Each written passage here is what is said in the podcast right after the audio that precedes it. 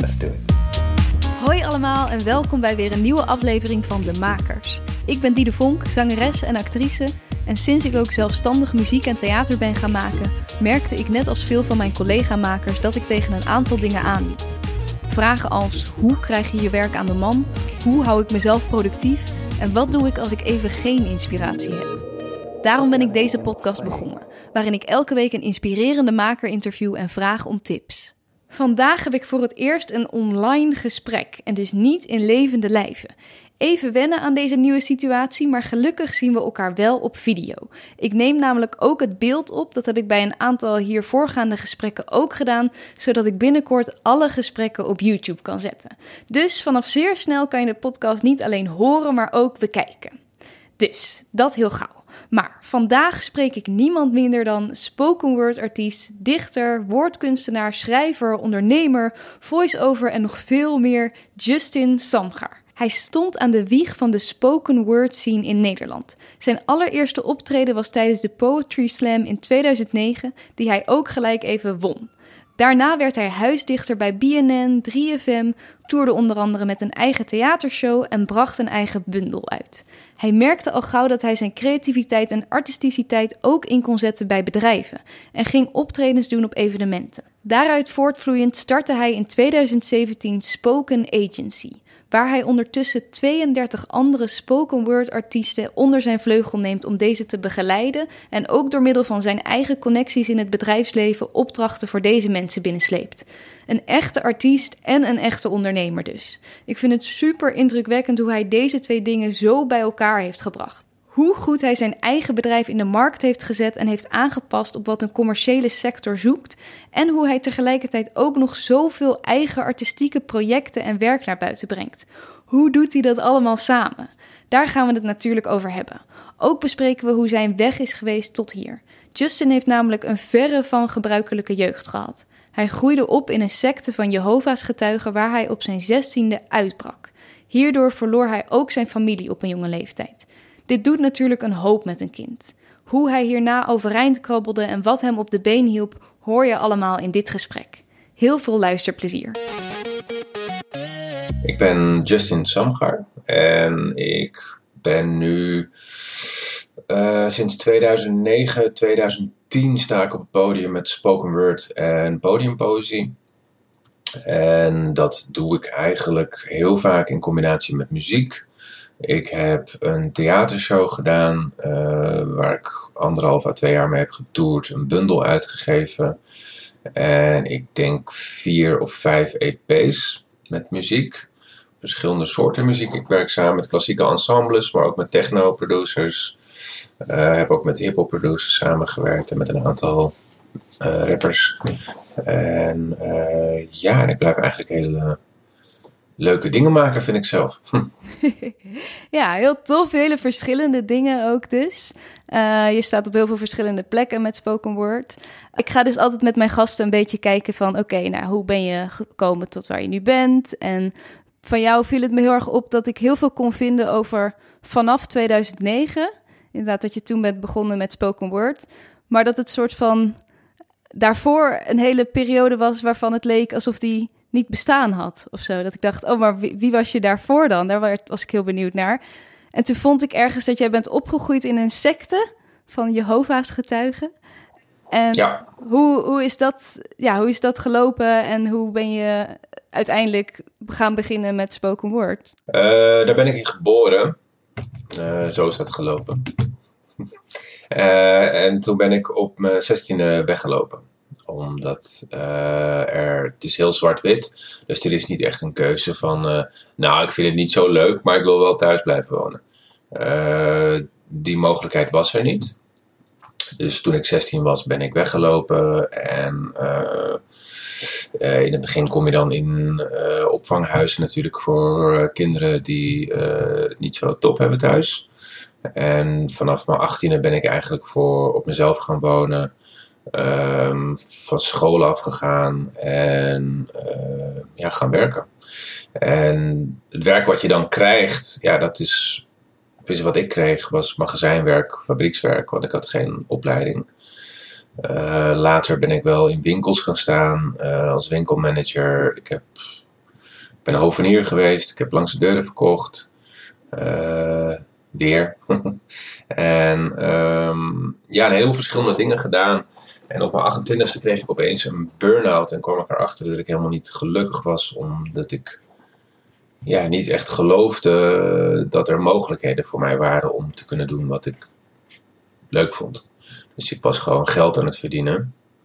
En ik was vaak aan het werk met en voor mensen ja, die, met wie ik niet op hetzelfde niveau kon komen, zeg maar. Uh, niet over dingen kon praten, van mijn gevoel. En, uh, ja, dat vond ik heel lastig. En daardoor ben ik denk ik ook onder andere in die burn-out gekomen. Omdat ik gewoon niet gelukkig was. Uh, in die burn-out ben ik heel erg op zoek gegaan van hey, hoe kan het nou beter? Want ik ben 28 en uh, ik zit er helemaal doorheen. Hoe kan het nou? Dus ik heb, ben heel intensief traject ingegaan. ik heb mezelf drie maanden laten opnemen. Ja, ik kon ervoor kiezen van het ziekenfonds zegt van oh, je krijgt tien sessies met een psycholoog voor goed of zo per jaar. En toen dacht ik, maar dan ben ik over een jaar heb ik tien gesprekken gehad. Dat zie ik niet echt zitten. Ik zie daar zie dat ook niet opschieten, zeg maar. Nee. Dus toen dacht ik, ik hoorde van iemand, ja, je kan je ook drie maanden laten opnemen en dan krijg je elke dag therapie. Ik zeg, ah. nou ja, dat klinkt verschrikkelijk, maar ik doe dat maar. maar dat zijn een beetje de twee opties die je dan krijgt vanuit de overheid, zeg maar. Of tien losse sessies, of je laat je echt drie maanden opnemen. Dat was, dat was zo. Nu kan dat ook niet meer. Het is nu gewoon echt tien sessies. Maar toen was er nog de mogelijkheid voor... Eh, oké, je kan je ook drie maanden laten opnemen in zo'n herstellingsoord. Uh, dat was in Laren toen. En daar zat ik met 40, 50 mensen of zoiets. En die waren allemaal een stuk ouder dan ik. En die zaten ook allemaal aan de antidepressiva. En ik niet. Um, en, en daar heb ik drie maanden lang uh, ja, heel erg veel inzicht gekregen in uh, wat de oorzaak was van mijn ongelukkigheid, mijn burn-out, mijn stress, mijn depressie. En dat heeft me heel erg vooruit geholpen. Ik had wel na die drie maanden dat ik een beetje in een gat viel. Van, en nu dan? Uh, ik heb twee jaar toen in die burn-out gezeten uh, en in die burn-out ben ik wel uh, gaan kijken van, ja, maar wat vind ik nou eigenlijk leuk? Uh, maar dat is waar ik achter kwam in die herstellingsperiode van, oké, ik doe helemaal geen dingen die ik leuk vind. Ik denk alleen maar, ik moet werken. ik moet geld verdienen. Ik moet een man zijn. Ik moet niet janken. Ik moet voor mijn vrouw zorgen. Ik was toen getrouwd. Ehm, dus ik had alleen maar van dat soort standaard dingen waarvan ik dacht van, oh ja, dit moet zodat ik normaal ben. En uh, pas na die herstellingsoord, uh, zeg maar, van drie maanden, kwam ik erachter van, hé, hey, ik kan ook gewoon gaan kijken naar wat, wat vind ik eigenlijk leuk en, en dat een kans geven. Uh, en toen kwam ik eigenlijk al heel snel neer op uh, iets met kunst. Uh, ik heb altijd al geschreven. Uh, ik kwam in die periode er ook achter dat ik heel goed was met boetseren. uh, ja, dat kon ik dus ook. Je bent gewoon van alles nou, gaan proberen? Of. Ja, ik had tijd, zeg maar, net als dat we nu allemaal hebben. En ik denk als je wat meer tijd hebt, dat je dan ja, ook gewoon meer ruimte hebt om jezelf te kunnen ontdekken en te zien. wat je wil, wie je bent. En ehm, ik ben me toen daarop gaan richten, op kunst. Ehm, ben weer gaan schrijven. Had ik al een tijdje opgegeven. En toen bedacht ik me van, oh, ik heb alles van mezelf geschreven. Misschien is het nu leuk als ik voor andere mensen ga schrijven. Dus dat ik iets ga schrijven waarvan ik denk van, oh, dit zouden andere mensen ook leuk vinden. In plaats van dat ik mijn eigen frustraties gewoon op papier gooi, zeg maar. En eigenlijk ben ik dat meteen gaan doen. Um, en toen ben ik gaan optreden daarmee op een poetry slam. Het is een uh, poëzie voordrachtwedstrijd uh, mijn werk daar laten horen. Uh, die Poetry Slam heb ik toen meteen gewonnen. en dat was de eerste keer dat je je werk ergens liet horen? Ja. Dat is toch ook bizar eigenlijk? Dat je gelijk ja, wint ook. Ja, maar het was ook heel heftig hoor. Ik, had, uh, ik denk dat ik een half jaar lang teksten heb geschreven en geoefend voor de spiegel. Om alles uit mijn hoofd te kunnen. Omdat ik gewoon, uh, ja, ik wilde gewoon binnenkomen bij mensen en dat was gelukt. Mensen stonden te janken daar. En uh, dat was heel mooi. Uh, alleen toen dacht ik wel van oké, dit is gelukt. Nu wil ik mensen aan het lachen maken. Uh, dus toen heb ik nog een paar dingen geschreven. Uh, daar ook bij een andere poetry slam mee opgetreden. Ook een succes. Uh, vrienden van mij die hadden het opgenomen op film. En toen zag ik dat filmpje. En dat was één gedicht waarin ik in de rol kroop van een vibrator. En waarin ik steeds sneller ging, zeg maar, tot ik uiteindelijk tot een climax kwam. En toen ik dat filmpje zag, dacht ik van, oh, dat is perfect voor een, uh, voor een aflevering van Spuiten en Slikken of zo. Dus toen heb ik het naar ze gemaild. En toen werd ik dezelfde dag nog teruggebeld van, hey, uh, wil je dat bij ons komen doen? Dus ja, natuurlijk wil ik dat komen doen. En uh, toen was ik opeens bij Spuiten en Slikken. Tien jaar geleden hadden die 800.000 kijkers per week. Nu niet meer. maar toen wel. En dat was dus heel fijn dat je meteen van een heleboel mensen krijgt te horen van hey, dit is tof, dit is leuk, dit is lachen. Um, ik heb toen uh, heb ik de rest van het seizoen mogen afmaken als huisdichter van Spuiten en Slikken. En ik heb daarna nog anderhalf jaar gewerkt bij 101 TV om het nieuws te presenteren in dichtvorm. Ja. En ben toen ook uh, ja, andere podia gaan benaderen, uh, andere media gaan benaderen. En op een gegeven moment ook bedrijven. Uh, om te kijken van, hey, kan ik wat voor jullie doen? Want ik moet ook geld verdienen. En uh, zo is het eigenlijk steeds verder ontwikkeld de afgelopen 10, 11 jaar. Ja, ja, wat tof. Want we gaan er nu in, inderdaad in een sneltreinvaart doorheen. Want ik dacht inderdaad vooral... Je bent in 2009 begonnen. In 2010 ben je al de huisdichter bij uh, Spuiten en Slikken. Dat is dus eigenlijk ja. ook een soort toeval uh, dat dat daar net paste en dat, uh, dat dat zo in elkaar klikte. Dat het, je bent gewoon in één keer zo bam binnengekomen in die hele spoken word scene eigenlijk.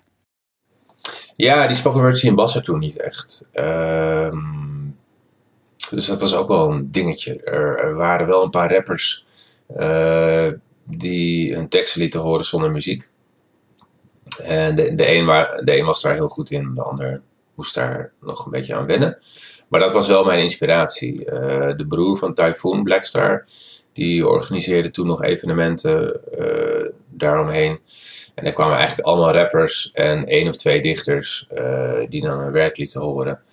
En dat was eigenlijk mijn grootste inspiratiebron om, om te beginnen ook. Do door Blackstar, omdat hij dit organiseerde. En ik dacht van ja, tof, dit wil ik ook, dit kan ik ook. Want dan ben ik uh, ik ben geen rapper en ik ben geen dichter. Um, maar ik kan dus, er is dus wel plek voor me. Ja, dacht precies. Ik toen. Want je moet toch inderdaad die vorm ergens gezien hebben of weten dat het bestaat of zo, voordat je denkt, oh ja, dat ja. kan ik gaan doen. En, ja, zeker. Want die poetry slam was er dus wel, maar was dat eigenlijk meer echt puur voor dichten dan? Ja, dat is een beetje, denk de voorloper van spoken word in Nederland. Ja. Uh, omdat het waren zeker wel dichters. Uh, en je werd ook zeker afgerekend op uh, je, je poëtische gehalte. Ehm, en dat werd ook meteen gezegd vanaf de eerste poetry slam. Van nou, je bent eigenlijk, is het geen poëzie. Maar we vinden je zo goed dat we je laten winnen. Zo, maar okay, waarom is het dan prima. geen poëzie? Dat is toch eigenlijk, ja, wat is het verschil of zo? Ja, dat weet ik dus niet, omdat ik geen poëzie. ja, ik denk dat poëzie gewoon. Uh, kijk, er zijn bepaalde regels voor poëzie. En uh, die zijn gemaakt voor papier. En uh, om het zo compact, mooi mogelijk op papier te krijgen, dat het. Um, dat je nog een beetje iets kan verzinnen van, oh, misschien betekent dit, misschien betekent dat. Maar dat het niet klinkklare onzin is, zeg maar. Het is, het is het betekent wel allemaal iets, maar het is vrij intellectueel en op papier. Terwijl spoken word gaat echt over het podium. En ik denk wat po Poetry Slam toen deed, um, was van ja, wij maken wel allemaal poëzie, maar we maken er ook een mooie performance van, zeg maar. Ja. Dus dat trok me wel heel erg aan. Uh, ik heb ook heel veel poetry slams uh, gedaan de eerste twee jaar. Ik heb ook eh, twee keer in het uh, Nederlandse kampioenschap Poetry Slam de halve finale gestaan, geloof ik. Ehm, maar uiteindelijk heb ik ervoor gekozen van, hé, hey, ik wil dat niet meer. Want uh, ja, ik sta hier in de halve finale en jullie beoordelen mij. Terwijl ik ben op televisie en ik kom er van rond bij bedrijven. Ik zeg, waar hebben jullie het over? Ik ben gewoon de beste. dus dat dacht ik toen. Ja? ja, dat dacht ik toen. dat, dat heb je als je meteen op tv komt. ja, tuurlijk. Maar dat kan ik me ook wel voorstellen als je een soort van begint en je bent gelijk bam. Uh, nou ja, hier, voor de luisteraars, ik hou mijn hand uh, in de lucht. Het gaat gelijk supergoed. Uh, terwijl je voor je gevoel misschien een beetje vanuit het niks kwam. Want je zei, ik schreef altijd al wel, maar wat, wat voor dingen schreef je dan in de tijd daarvoor? Um, ik ben al heel jong begonnen met gedichten schrijven. En ik denk dat ik op mijn twaalfde tot mijn veertiende begon ik hip-hop te luisteren. En toen werden het rapteksten. Uh, ik begon eerst rapteksten van anderen over te schrijven. En daarna mijn eigen rapteksten in het Nederlands te schrijven. En ik heb ook zelfs wel pogingen gedaan in de studio om dat echt op te nemen. En dat was ook leuk. Alleen toen ik het luisterde, dacht ik van, eh, dit is niet per se bijzonderder dan andere rappers, dus ik ga dit niet mee door. En toen ben ik ermee gestopt. En pas na die burn-out dacht ik van, oh ja, misschien ben ik toch wel goed met tekst. En dat verder gaan uitbouwen. Ah ja, oké.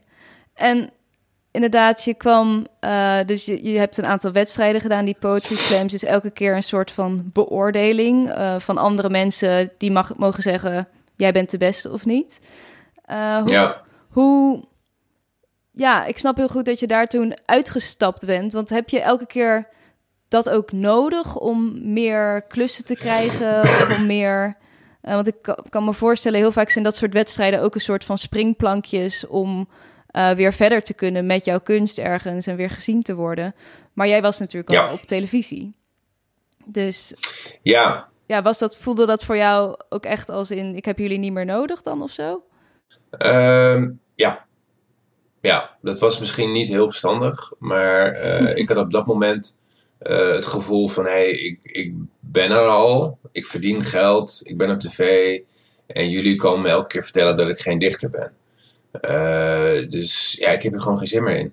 Ik heb wel heel veel van ze geleerd over wat poëzie is en hoe ik uh, mijn woordkunst mooier of beter kan maken. Ze hebben me heel vaak gewezen op dingen die ik elke keer doe in mijn teksten. Dus ik ben er wel heel bewust van geworden uh, van dingen die ik doe. Maar ik kan op een gegeven moment, ja, heb ik gewoon de keuze gemaakt van hé, hey, ik, ik, ik, wil, ik wil niet meer met die wedstrijden meedoen. Uh, want ik vind mezelf goed genoeg en ik denk dat ik goed, ik denk dat ik genoeg geleerd heb van jullie om nu zelf door te kunnen gaan, zeg maar. Uh, en daarmee heb ik wel meteen mezelf een beetje verwijderd, denk ik, van de, de, de poëzie scene, voor mijn gevoel. Uh, wat ook een kleine scene is natuurlijk. En ja, ik denk dat ik toen ook misschien uh, mijn kansen heb verspeeld om echt een dichter te worden misschien. I don't know. Ik, uh, het, was het was echt een gevoelskwestie. En wat je, net, uh, ja, je bent ook gewoon in je eentje dit ding aan het doen. En je krijgt van iedereen commentaar. En van andere mensen krijg je weer complimenten. En je moet zelf maar uitmaken ja. wie er gelijk heeft. En, en, en, ja, en hoe je verder gaat, zeg maar. Dus op dat moment dacht ik van, hé, hey, ik wil gewoon zelf verder gaan. Uh, ik moet gewoon mijn geld kunnen verdienen hiermee. Mm um, en het voor mezelf ook leuk houden. Ja. ja, dat is het ook. Want het is ook wel heel sterk om dan toch te zeggen van, ja, ik hoef misschien niet helemaal in jullie malletje te passen van wat een dichter zou moeten zijn. Want ik heb mijn eigen stijl en die vind ik misschien al goed genoeg. Het is best wel knap als je dat toch zo durft te, te voelen of zo. Dat, ook al ben je nog niet lang bezig, dat je toch die eigen, dat eigen pad daarin dan al gaat bewandelen. Want ik denk ook veel op opleidingen misschien dat je soms hoort van een docent die vindt het niet goed, die vindt het weer wel goed. Dat het soms best wel moeilijk is om dan je eigen stem daarin te vinden. Maar het klinkt wel alsof je die eigen kwaliteit of eigen stem dan best wel snel al gevonden had. Klopt dat? Um, Ja, ik ben er nog steeds mee bezig. Het, is, het, is, het, is, ehm, het was voor mij alleen dat ik het gevoel had van hé, ik ben met iets nieuws bezig. Uh, ik had toen echt nog niet het idee dat dat spoken word heette. Ik dacht gewoon, nou, ik ben gewoon een dichter, maar dan eentje die niet wordt geaccepteerd door andere dichters. Um, en pas later begon de spoken word scene een beetje te groeien. En zag ik van, oh ja, eigenlijk ben ik gewoon een spoken word artiest. Uh, oh ja, oké. En dat maakt het wel allemaal een stuk makkelijker. Want um, van poëzie is er natuurlijk al eeuwenlang een bepaald soort begrip. En er is een opleiding en er zijn uh, Neerlandici en er zijn mensen die denken dat ze het allemaal heel veel van weten.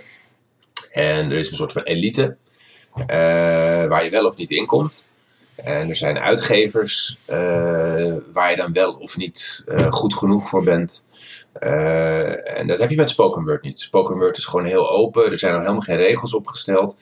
Het is een soort wilde westen. Iedereen doet maar wat. Uh, daardoor is het heel erg gegroeid de afgelopen jaren. Uh, maar ik denk dat daardoor ook de kwaliteit misschien ja, niet super hoog is van de meeste spoken word, zeg maar. Omdat er geen regels zijn. Maar, dus het heeft zijn voor- en, en zijn nadelen. Ja, dus je hebt niet een soort van graadmeter van nu mag het spoken word heten of zo.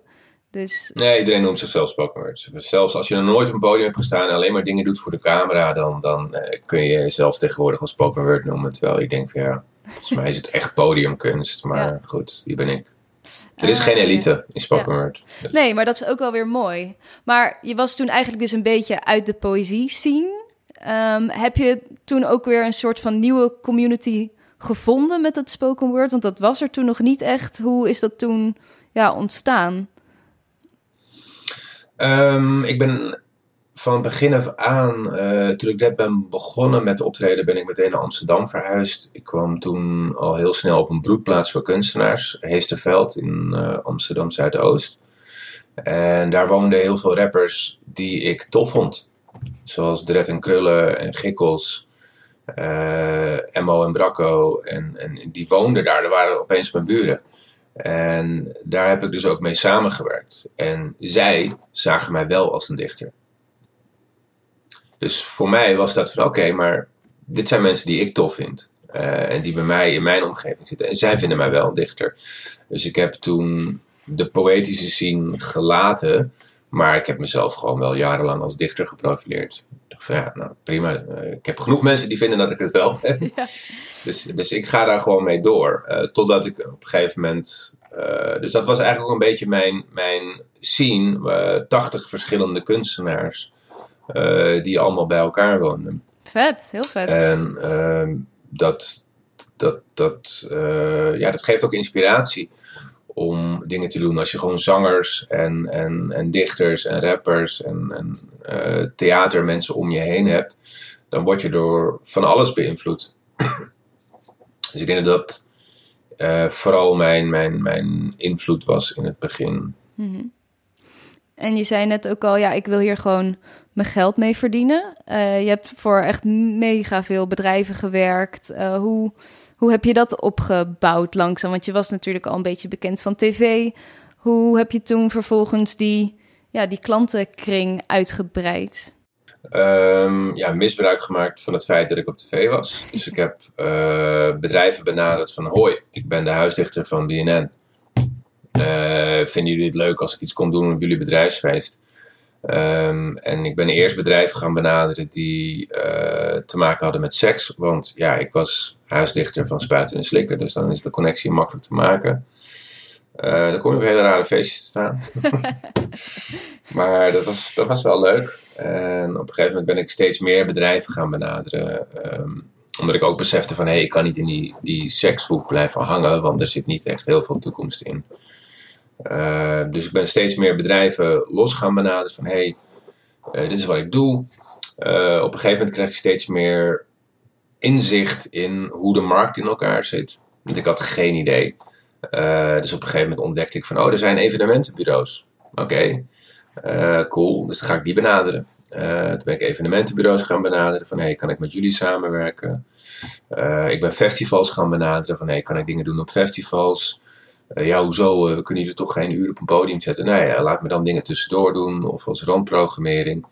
Dus toen heb ik aan de ene kant concepten verzonnen voor festivals die je kon doen.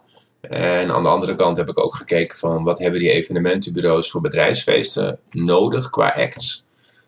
Waar ik op in kan spelen. En met de jaren uh, ontwikkelde ik een aantal concepten, uh, zoals de Spoken Word Openings Act. De, dus dat je iets opent met een spoken word performance in opdracht over de nieuwe huisstijl, de nieuwe bedrijfsmissie. Of dat je iemand in het zonnetje zet die er nu al 25 jaar werkt bij zo'n bedrijf.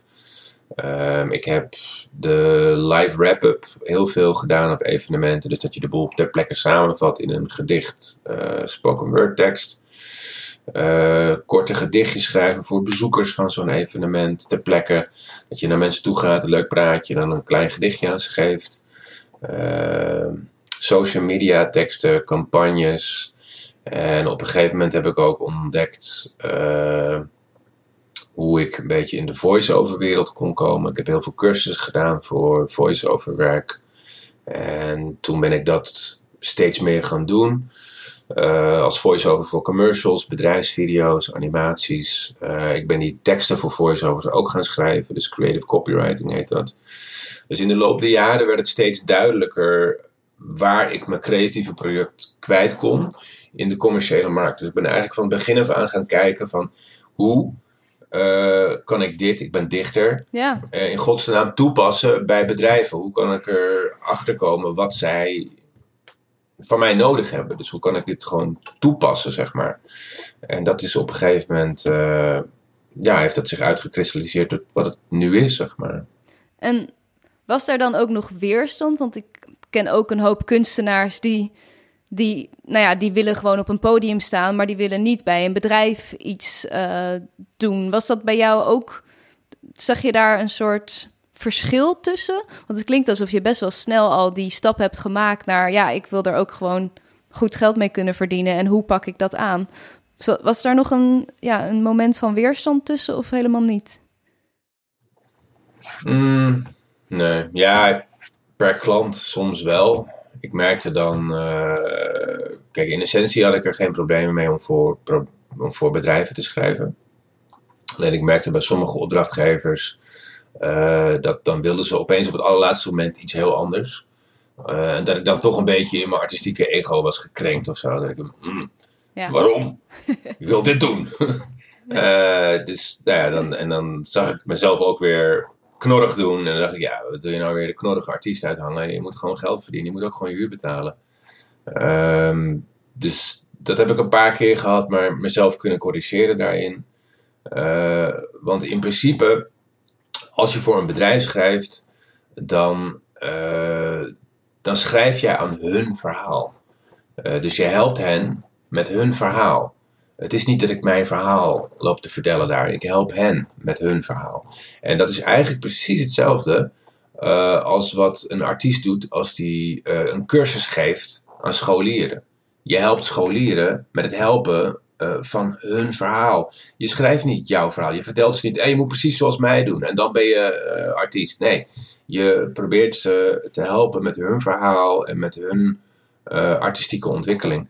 En dus zie ik niet het verschil tussen scholieren een spoken word cursus geven of spoken word voor een bedrijf doen. Behalve als het Shell is natuurlijk, want ja, oké. Er zijn sommige bedrijven waar ik niet mijn handen aan wil branden. Maar in principe is het gewoon het helpen van andere mensen met mijn creativiteit. Um, en daar verdien ik geld mee. En alle artiesten bijna alle artiesten komen rond van workshops geven. Terwijl ik niet vind dat iedereen een goede workshop-docent is. En zeker niet als je zelf pas één jaar op het podium staat. Um, dus ik heb altijd zoiets gehad van, ja, jullie lullen maar. Ik doe gewoon bedrijven. Ik heb heel vaak gehoord van, oh, je bent de commerciële dichter, je bent de commerciële lul, of je bent een gladde jongen, of whatever. Interesseert me niet. Ik geef tenminste geen prutsworkshops op basisscholen voor heel weinig geld. Uh, ik ben nog steeds niet rijk. Uh, ik, ik, verdien geen bergen met geld. Om, uh, ik bedoel, het is niet dat ik elke dag voor bedrijven schreef of zo. Mm -hmm. maar ik verdiende er genoeg mee om, om van rond te komen, zeg maar. Ja. Dus dat was voor mij het belangrijkste. Kijk, ik, het is nooit mijn intentie geweest om stinkend rijk te worden hiermee.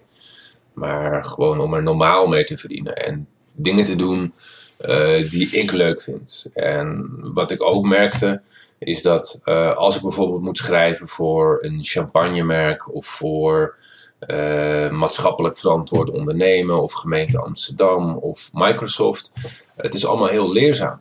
Want zij hebben een bepaalde tone of voice. Zij hebben een bepaald publiek wat ze op een bepaalde manier mee communiceren. En zij hebben een publiek wat ik nooit zal bereiken. Microsoft, ik zal nooit de grootte van hun publiek hebben, zeg maar. Dus voor mij is het heel leerzaam om te kijken hoe zij met hun publiek communiceren. En om achter de schermen met hen te praten over: hey, hoe ziet jullie boodschap eruit en hoe zien jullie dat? En ik denk dat ik daar heel veel van heb geleerd. Ja, het lijkt me ook wel heel inspirerend om niet altijd bezig te zijn met je eigen verhaal, maar met dus ook zoveel verschillende input te krijgen.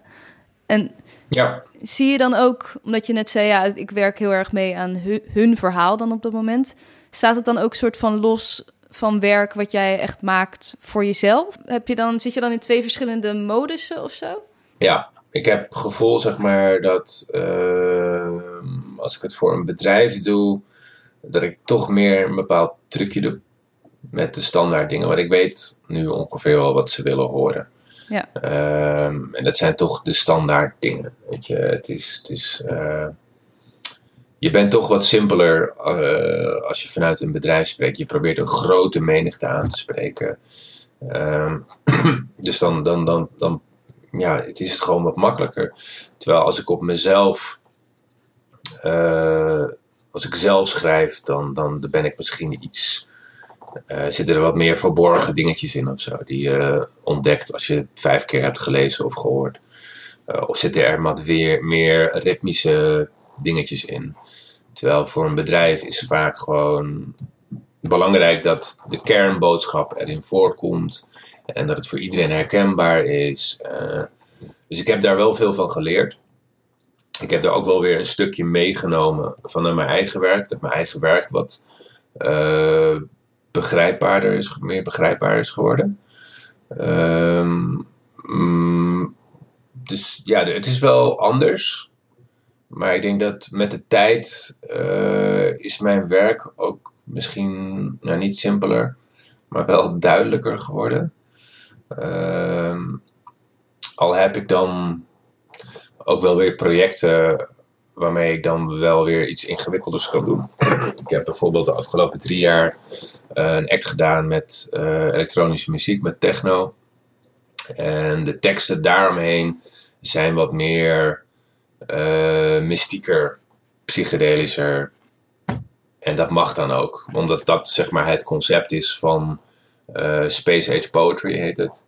En dan ben ik ook weer anders dan Justin Samgaar, die gewoon op het podium in zijn eentje staat spoken word uh, verhalen te vertellen, zeg maar. Ja. Uh, dus ik, ik vind het ook heel prettig om uh, te switchen tussen verschillende stijlen. Ik heb een theatershow gedaan vijf, zes jaar geleden. En daarin probeer ik zeg maar de de minder leuke dingen in mijn leven, zeg maar, uit mijn jeugd en, en, en uit depressies en burn-outs, uh, met heel veel humor uh, te vertellen. Dus dan ben je al veel meer uh, ja, op de cabaretachtige manier bezig. Ehm, dus er zijn verschillende stijlen in, in de concepten die ik gebruik, zeg maar. En ik denk dat dat ook een soort van zoeken was naar uh, wat vind ik nou het allerprettigste om mee te werken? En ik ben nu weer met een nieuwe show bezig. En, en dat wordt hem hoor. dus dan zit ik dan uiteindelijk te denken van, oh misschien is dit het dan. Weet je wel? Dus ik ben als artiest gewoon voortdurend dingen aan het proberen. En ja. met die uh, bedrijven, nou oké, jullie willen het op zo'n manier, doe ik het op die manier. Uh, en met die techno denk ik van, oké, dit zijn allemaal ja, ik wil ze niet over één kam scheren, maar als je op zo'n feestje staat met elektronische muziek, heeft bijna iedereen drugs gebruikt. Uh, dus dan pas je je teksten daar ook op aan en je stemgebruik. Uh, dus ik ben altijd wel aan het spelen geweest met verschillende soorten publiek. En aan het kijken van, hey, hoe kan ik die bedienen? En ehm, uiteindelijk probeer je dan, denk ik, ik als artiest, om daar allemaal van te leren en een soort van, ja, I don't know, meesterwerk te maken. Of uiteindelijk je stijl te kunnen bevatten. Of Ja, wat voor mij, wat voor mij echt een, wel een interessant ding is, waar ik ook de laatste tijd heel erg mee bezig ben door het maken van die nieuwe theatershow. Is van oké, is deze theatershow nou eindelijk het perfecte middel om mezelf duidelijk te kunnen laten zien aan de wereld? Alsof ik naar voortdurend aan het zoeken ben naar het perfecte medium of het perfecte verhaal om mezelf te kunnen laten zien op een manier dat iedereen me begrijpt, zeg maar. ja en dat Ah, ja. is denk ik een zoektocht die nu al tien jaar duurt. Mhm. En misschien gaat hij nog 30 jaar door, I don't know. Of misschien gewoon je hele leven waarschijnlijk. Ja, je blijft voortdurend ontwikkelen Ja. en, en leren. En, en je ziet ook weer andere artiesten waarvan je denkt van, oh ja, dit is ook inspirerend. Ja. Hier kan ik misschien ook iets van leren of iets van, van gebruiken. Ja, precies. Want, maar is het dan, je zoekt dan dus ergens naar een soort van één ding waarin je het allemaal kan laten zien. Maar het lijkt me ook dat het wel heel lekker is dat je juist die verschillende kanten van jezelf op verschillende manieren kunt uiten. Dus de Justin die bij een bedrijf zit of de Justin die te- elektronische muziek maakt en dan weer de Justin die een theatervoorstelling maakt, dat dat ook allemaal losse dingen zijn waar je tussen kunt switchen. Dat lijkt me ook wel weer lekker. Ja, is ook heel prettig. Ik, ehm, het kan soms wel een beetje onoverzichtelijk zijn of veel. Maar ehm, ik merk wel, zeg maar, de afgelopen drie jaar heb ik me heel erg gericht op de Space Age Poetry met de techno. En heb ik me eventjes onttrokken van die hele spoken word scene. Omdat ik ja, ongeïnspireerd was door, ja, door, door alles wat er gebeurde. En ik merk nu dat nu ik dat drie jaar heb gedaan ehm, en ik nu weer bezig ben met een nieuwe spoken word theatershow en nieuwe spoken word teksten, dat ik weer opnieuw geïnspireerd ben, omdat ik even drie jaar die ademruimte heb genomen uit die hele community. En dat ik meer nu in de techno scene zat de afgelopen drie jaar. En nu ook weer de, ja, de spoken word community beter kan waarderen, omdat ik ze drie jaar heb gemist, zeg maar. Terwijl als je er heel lang middenin zit, eh, ja, dan kan je het soms zat worden. Of, of denk je van nee, dit inspireert me niet meer. Of het is allemaal hetzelfde. Of... Ja, snap ik. En nu ben ik weer opnieuw geïnspireerd en ook meer gedreven om eh, mijn nieuwe werk weer neer te zetten. Tof, ja, dat is ook een goeie. Dat je er dus daardoor ook echt even soms uit kan stappen en vanuit een soort ja, eh, blik van buitenaf ook weer naar kan kijken. Lijkt me ook wel gezond, Ja. inderdaad. En ik wil het nog even met je hebben over jouw agency, Spoken Agency. Eh, vertel, wat is dat? Ehm, ja, ik ben dus eigenlijk altijd al commercieel bezig geweest eh, voor bedrijven. En drie jaar geleden bedacht ik me van, eh hey, ik heb nu even geen zin meer in die hele spoken word community. Ik ga me eigen richten op techno en, en daar gewoon lekker doorheen lopen bazelen. Eh, en daarnaast dacht ik van dat hele eh, schrijven voor bedrijven en commerciële organisaties, dat is iets waar ik eh, ik denk, ja, ik denk dat, ja, ik mag dat wel zeggen. Ik was de eerste in Nederland die dat echt deed, zeg maar.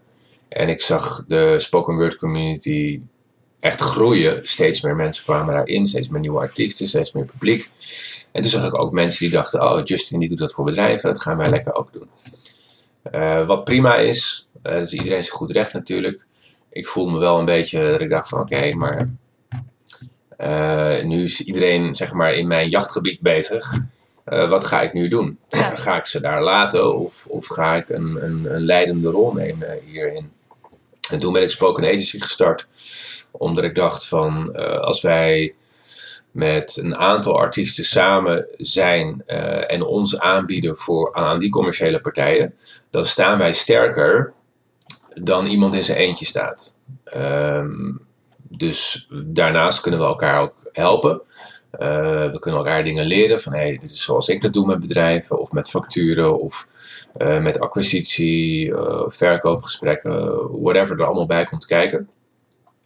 Dus dat je elkaar ook daarin helpt, zodat we een betrouwbaar, eh, bedrijf worden. wat, wat ook betrouwbare artiesten aanbiedt, zeg maar, voor commerciële partijen. Want als er iets belangrijk is, voor een bedrijf, dan is het dat je je aan je afspraken houdt en dat je te vertrouwen bent. Um, nou zeg ik niet dat de meeste artiesten niet te vertrouwen zijn en zich niet aan hun afspraken houden. Maar het komt wel heel vaak voor.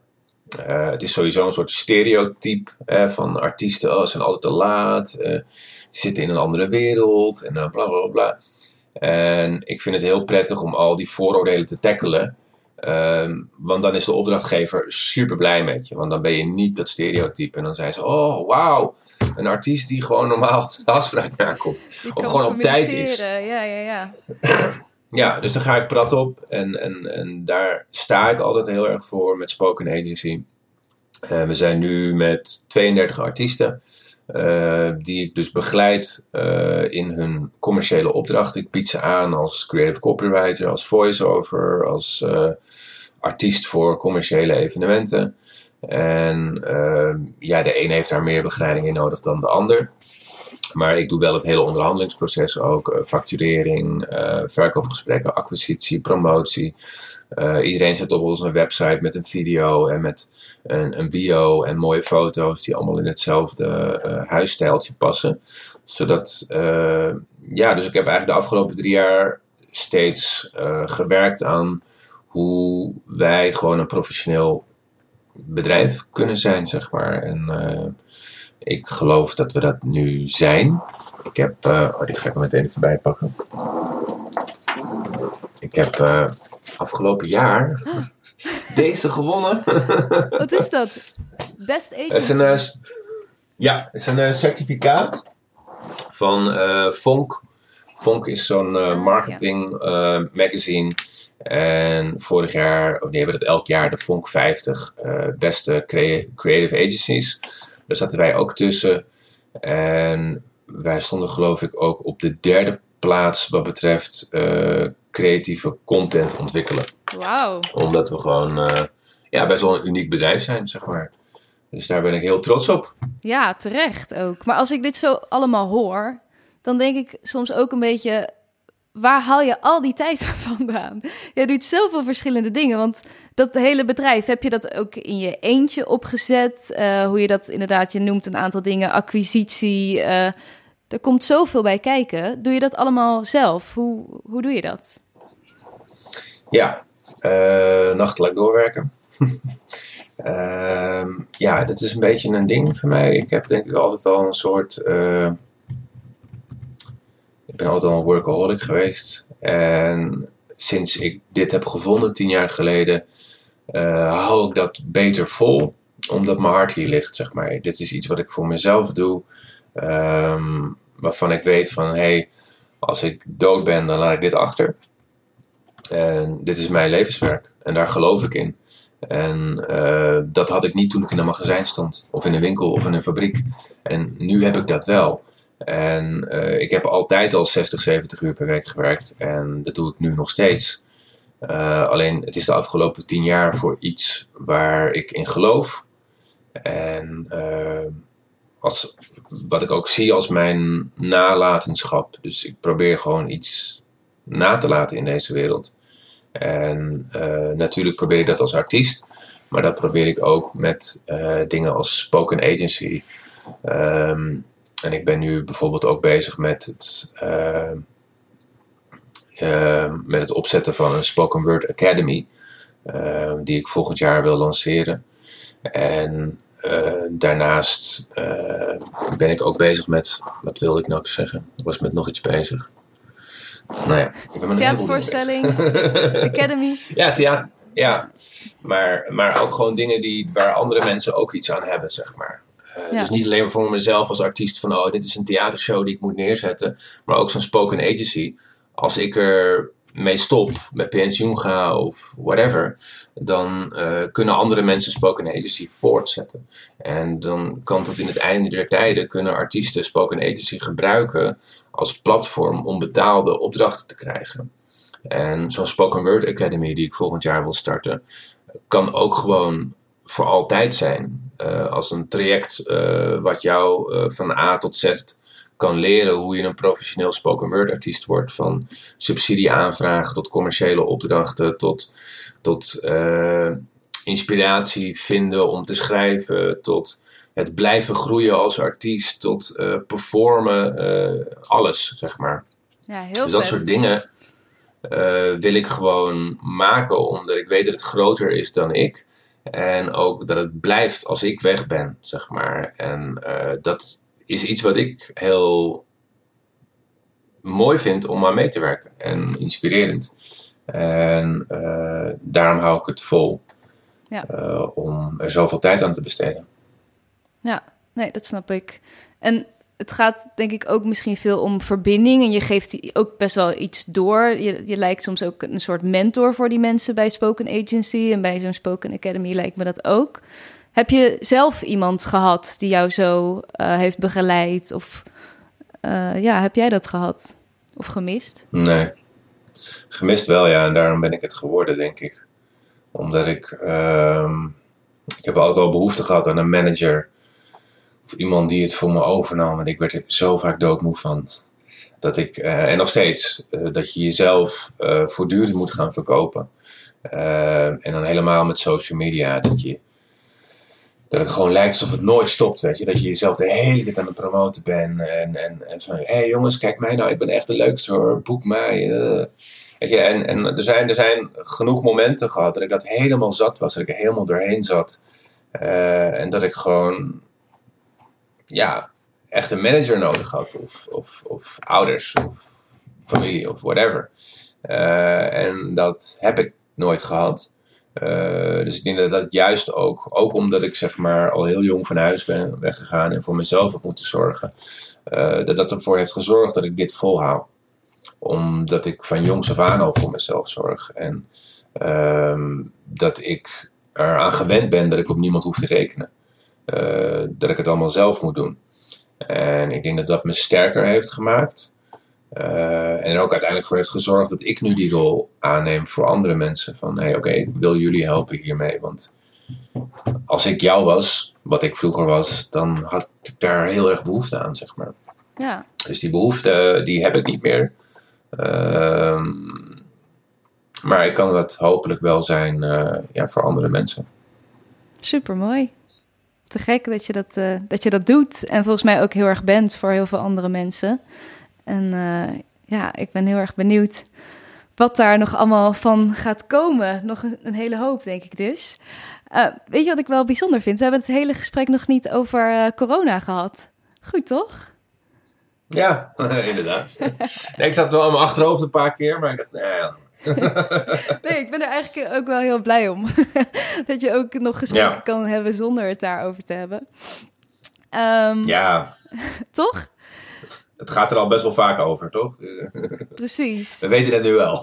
We weten het nou wel. Ja, absoluut. Nou ja, het blijft natuurlijk een, uh, een lastige periode. En um, zeker. Ja, zeker. Ik zie jou nu natuurlijk niet. We zitten niet uh, direct tegenover elkaar. Ja, ik zie je wel, maar via een scherm.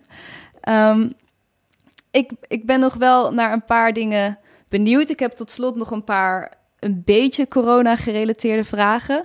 Maar uh, daarvoor ben ik nog wel heel benieuwd. Ja, ik vind het eigenlijk heel mooi nou, wat je doet, wat je zegt. Um, en we hebben het ook een klein beetje gehad over die commerciële kant. Ik weet dat veel van mijn luisteraars daar ook altijd wel heel erg benieuwd naar zijn. Je hebt dus heel veel bedrijven benaderd. Uh, je bent daar heel actief in. Heb je bepaalde tips voor op het gebied van marketing? Want dus niet iedereen heeft zo'n manager of zit bij een agency. Hoe kan je jezelf als artiest uh, ja, toch proberen weg te zetten bij, op dat soort plekken? Uh, ik denk dat het allerbelangrijkste is, dat je een website hebt en goede content. Uh, want dat is eigenlijk je visitekaartje. Dus dat je, en natuurlijk ervaring, hè, je hebt podiumervaring nodig. Uh, voor een heleboel redenen. Want dan ben je pas echt een, een, een goede podiumartiest. Als je echt op het podium staat, als je dat ook kan aantonen. Uh, dat aantonen doe je door middel van een content. Uh, zoals video's, uh, foto's, plekken waar je hebt opgetreden. Verhaaltjes daarover, referenties. En die kun je dan weer allemaal kwijt op een website die er gewoon enigszins ja, overzichtelijk en netjes moet uitzien. Zonder al te veel artistieke verhalen, maar gewoon met een duidelijke biografie. Waar je hebt gestaan, uh, wat je doet, waar je voor staat. Ehm, dat mensen gewoon in één uh, blik kunnen zien wie jij bent als artiest en wat je hebt gedaan. En uh, wat je niveau is. Ik denk dat dat het allerbelangrijkste is.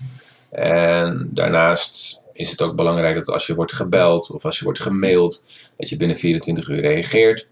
Ehm, want ja, dat is normaal, uh, vind ik. Maar uh, de meeste bedrijven ook. En uh, podia ook, culturele podia, maatschappelijke podia. Dus ik denk dat dat heel belangrijk is. En daarnaast, wat voor mij goed heeft gewerkt, is door het gewoon allemaal te proberen. Heel hard op mijn bek te gaan. Um, en het dan weer beter te doen. En voortdurend, het is bij mij tien jaar lang om mijn bek gegaan uh, geweest. En weer opstaan en het beter doen. Weet je, dat als je mailtjes hebt verstuurd naar bedrijven en er reageert niemand, ja, dan is er iets fout aan dat mailtje. En dan ga je kijken naar dat mailtje wat er fout is. En dan ga je het aan andere mensen vragen van... hé, hey, ik heb dit mailtje gemaakt. Uh, wat vind jij van het mailtje als jij een bedrijf was? En je gaat gewoon zoveel mogelijk informatie inzamelen om maar te kijken hoe jij beter kan worden. Of in dat mailtje, of in die website, of in je social media post, of in je performance. Het is continu kijken van uh, hoe kan ik beter worden? Hoe kan ik ervoor zorgen dat, of niet eens beter worden, hoe kan ik ervoor zorgen dat mensen me beter begrijpen? Hoe uh, kan ik ervoor zorgen dat ik met mijn boodschap op het podium beter binnenkom, maar ook op social media en op de website en in een verkoopgesprek? Uh, het is eigenlijk allemaal hetzelfde. Ja, ja dus al die... communicatie. Ja, inderdaad, het is gelijk wat je communiceert naar de buitenwereld. Het is toch iets wat veel artiesten, denk ik, toch overslaan. Je gaat ervan uit dat wat je maakt, dat is, dat is ja, wat voor je spreekt. Maar het is natuurlijk ook hoe jij jezelf naar buiten laat zien, wat bedrijven willen zien. En uh, ik vind het wel grappig dat je ook zei, uh, niet een al te artistiek ingewikkeld verhaal op je site, maar ook gewoon duidelijk, dit is het, dit doe ik, hier sta ik. Ja.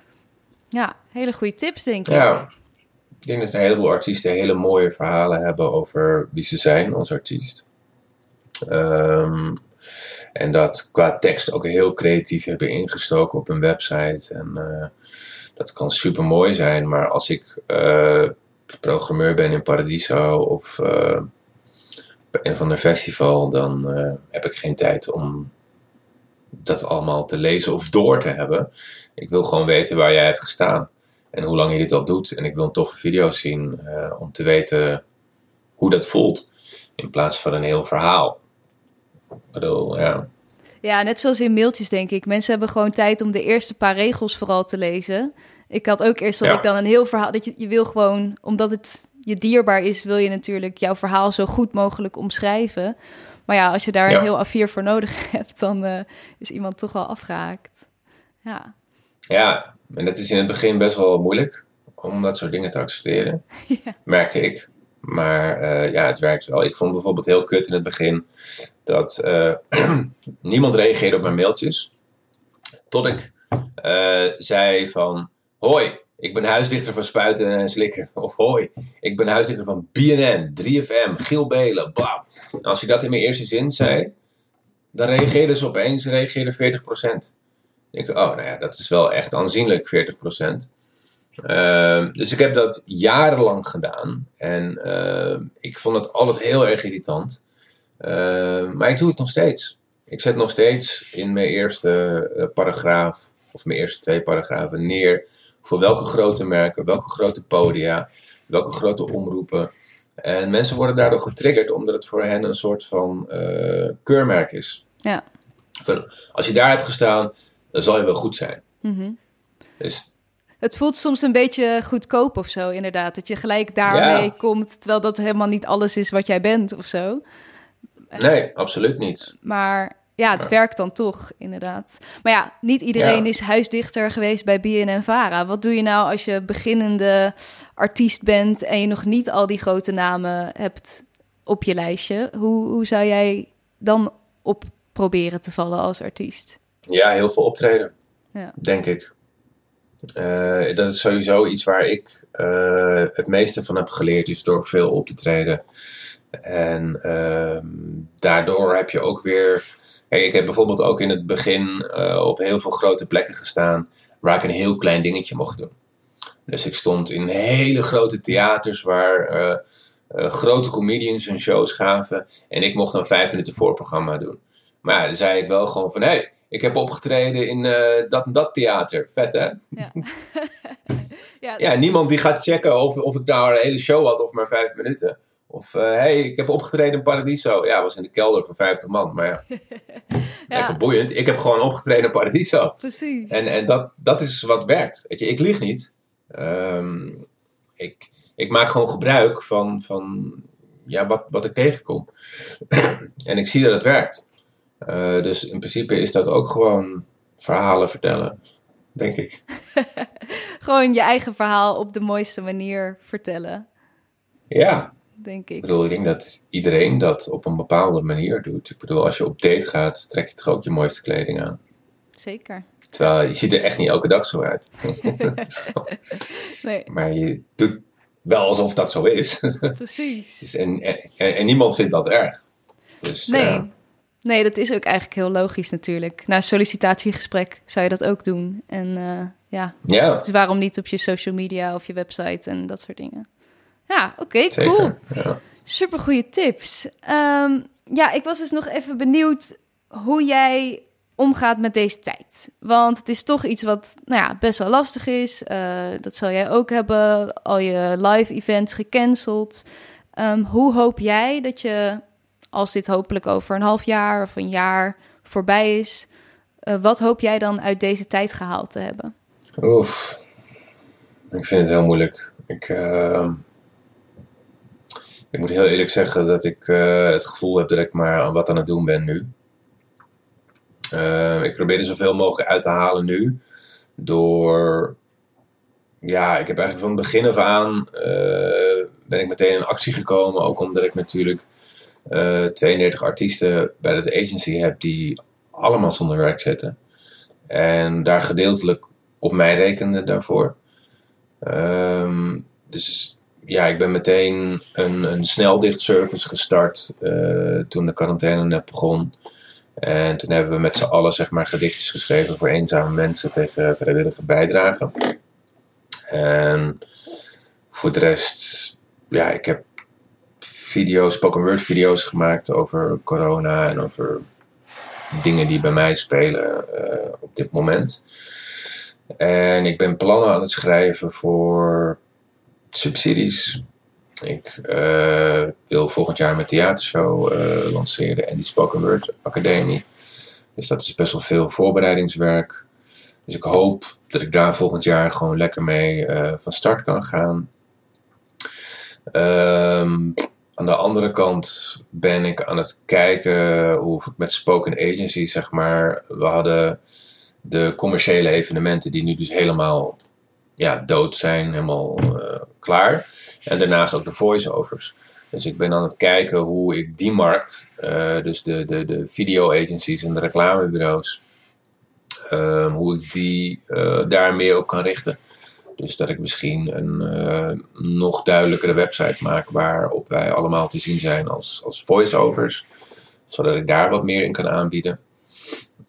Dus ik ben eigenlijk aan het kijken van oké, hoe kan ik eh, zowel mijn business met Spoken Agency als mezelf als artiest zo direct volgend jaar eh, neerzetten. Dus hoe kan ik van deze tijd gebruik maken om zo direct meteen van start te kunnen als deze rotzooi over is, zeg maar.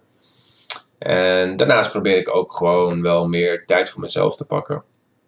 Dus ik ben nu wel, eh, ik ben meer aan het sporten, ik ben meer aan het koken. ehm, al meer tijd voor mezelf aan het nemen. Ehm, ik probeer elke dag ook even iemand te bellen.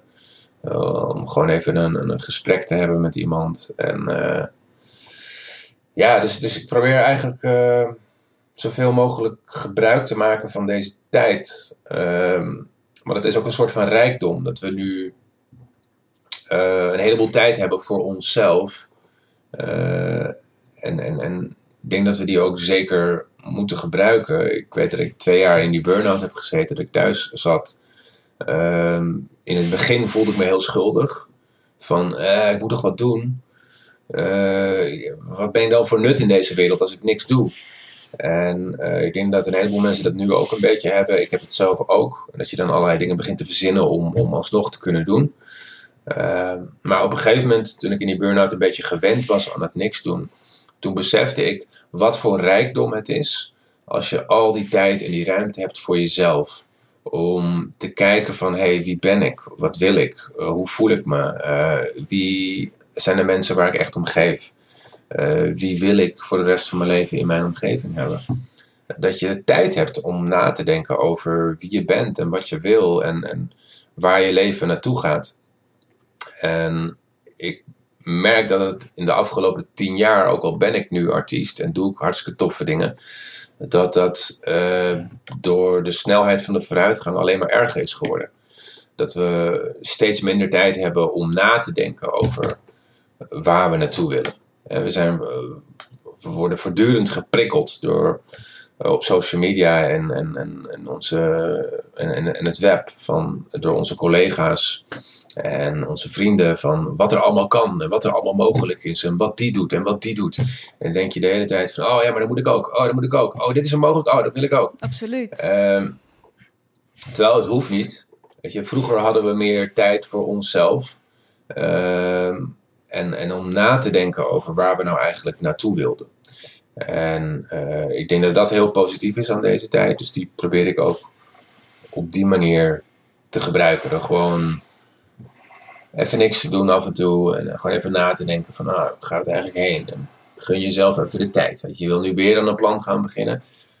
Maar laat even rusten. We gaan eerst gewoon even een weekje gewoon even klussen in huis of zo. En dan komt er vanzelf wel weer een nieuw idee. Of, of laat het even bezinken. Of, of uh, praat er even over met een aantal mensen. Voordat je meteen weer ergens inspringt. dus ja, ik denk dat dat voor mij ook wel. Uh, gek genoeg komt het op zich best wel goed uit. Of zo. Ik heb financieel een enorme klap gekregen hierdoor. Um, wat best wel ja, erg is. Maar aan de andere kant zie ik wel uh, ook de positieve dingen die ik hiervoor terugkrijg. En dat ik eventjes weer moet gaan kijken van, ah ja, maar welke kant gaat het ook weer op? En wat is nou echt belangrijk? Ja, ja, het is natuurlijk ook, ik hoor dat, het is heel, sowieso heel herkenbaar en uh, heel mooi wat je zegt. Ik hoor dat ook van veel andere mensen, dat het toch wel een soort van als heel welkom komt, die rust die we opeens hebben. En dat je dat ook wel doet beseffen van ja, we moeten eigenlijk niet een pandemie nodig hebben om te beseffen dat we wat rustiger aan moeten doen natuurlijk. Dus nou, ja. hopelijk is dat misschien dan iets wat we mee gaan nemen in die toekomst. Dat iets minder gejaagd Ja, ik denk dat we sowieso iets gaan meenemen hieruit. Ik weet niet wat het is.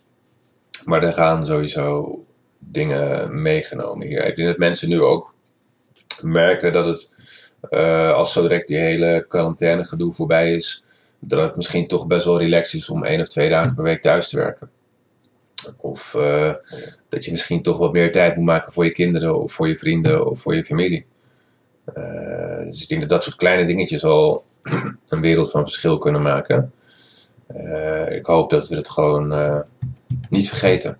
Ik hoop dat ook heel erg. Soms ben ik ergens bang dat het net zo is als als je een lange vakantie hebt gehad of zo. En dan denkt, oké, als ik terug ben, ga ik het helemaal anders aanpakken. Ja. En dat je dan toch gauw weer je oude gewoontes verzandt. Maar ik denk ook, hoe dan ook, zullen we alsnog wel iets meenemen van dit. Ja, en dan is het maar een klein percentage van de mensen die er iets in meeneemt. Ook dat kan alweer een golf in beweging zetten. Ik bedoel, als je kijkt naar uh, de kleine hoeveelheid mensen die eerst tegen Zwarte Piet was of de kleine hoeveelheid mensen die tegen vlees eten was, uh, die zijn, doordat ze zichzelf kenbaar hebben gemaakt en blijven, zich blijven laten horen, zijn die gegroeid. Ah ja. Dus ik denk dat je niet echt een meerderheid nodig hebt om verandering zeg maar, in te zetten. al zijn er maar een aantal mensen die eh, vanuit deze crisis voortkomen. Die zeggen van weet je wat, ik ga voortaan het helemaal anders doen. Ik ga ander werk zoeken of ik ga werk zoeken waar, waarbij ik meer tijd heb voor mezelf of voor mijn kinderen. Of ik ga meer thuiswerken. Ehm, dat dat al een soort van beweging in gang kan zetten. Dus op zich, ik zie dat wel positief. Goeie manier om er naar te kijken. En uh, misschien een goede ook om mee af te sluiten, want we moeten alweer een beetje afronden. Um, ja. Is er nog iets wat ik jou had moeten vragen? Wil je nog iets kwijt? Mm, nee, we hebben best wel veel besproken, hè? Volgens mij wel. Um, Mm, nee, ik weet het zo even zien. Volgens mij hebben we echt, ja, we hebben echt heel veel gesproken. Volgens mij ook. Nee, ik vond het hartstikke leuk. Nou, fijn. Ik ook. Je hebt heel veel hele mooie dingen gezegd. En ik ben super benieuwd ook bijvoorbeeld naar je theatervoorstelling. Waar alles samen gaat komen. En, uh... Ja, hopelijk. dus uh, ja, ik wil eigenlijk zeggen heel erg bedankt voor je tijd. Dankjewel. Dat was hem. Nogmaals dank Justin voor het mooie gesprek. Heel erg bijzonder om te horen hoe zijn weg is gegaan en hoe hij echt aan de basis heeft gestaan van spoken word in Nederland. Inspirerend hoe hij zijn eigen pad is blijven banen en hoeveel hij in 10 jaar al bereikt heeft. Hier mijn takeaways. 1. Vind je eigen community.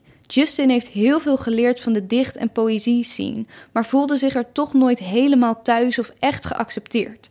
Toen hij later meer met rappers omging en andere kunstenaars, hoefde hij opeens niet meer te bewijzen dat hij echt een dichter was, maar werd dit geaccepteerd. Natuurlijk is het belangrijk om te leren van mensen die iets al langer doen.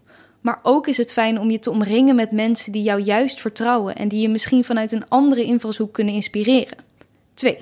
Vallen en opstaan. Justin wist natuurlijk ook niet in één keer waar bedrijven op zouden zitten wachten. Hij is gaan uitproberen, tweaken, fine-tunen en daardoor heeft hij nu een compleet pakket samengesteld wat en inspirerend en leuk is voor hem en alle artiesten bij zijn agency en ook nog iets is waar mensen en bedrijven op zitten te wachten en iets aan hebben. Dus je hoeft niet altijd rigoureus vast te houden aan wat jij precies doet.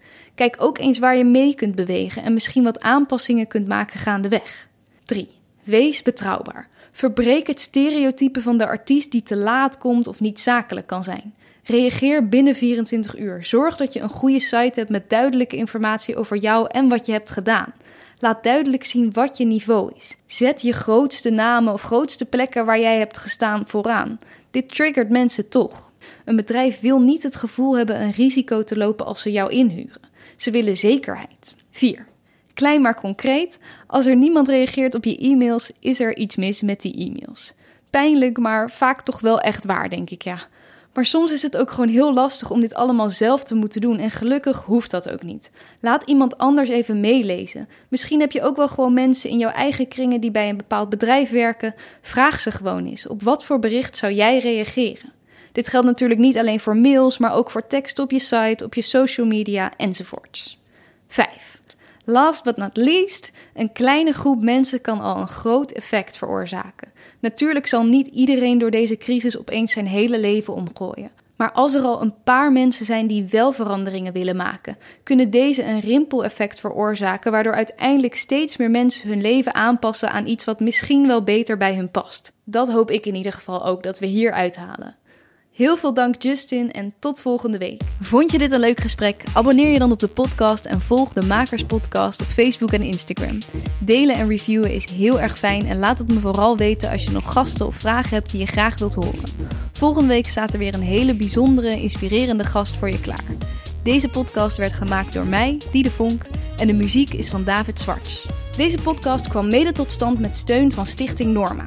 Ben jij uitvoerend kunstenaar en wordt jouw werk wel eens opgenomen en uitgezonden? Meld je dan aan bij Norma.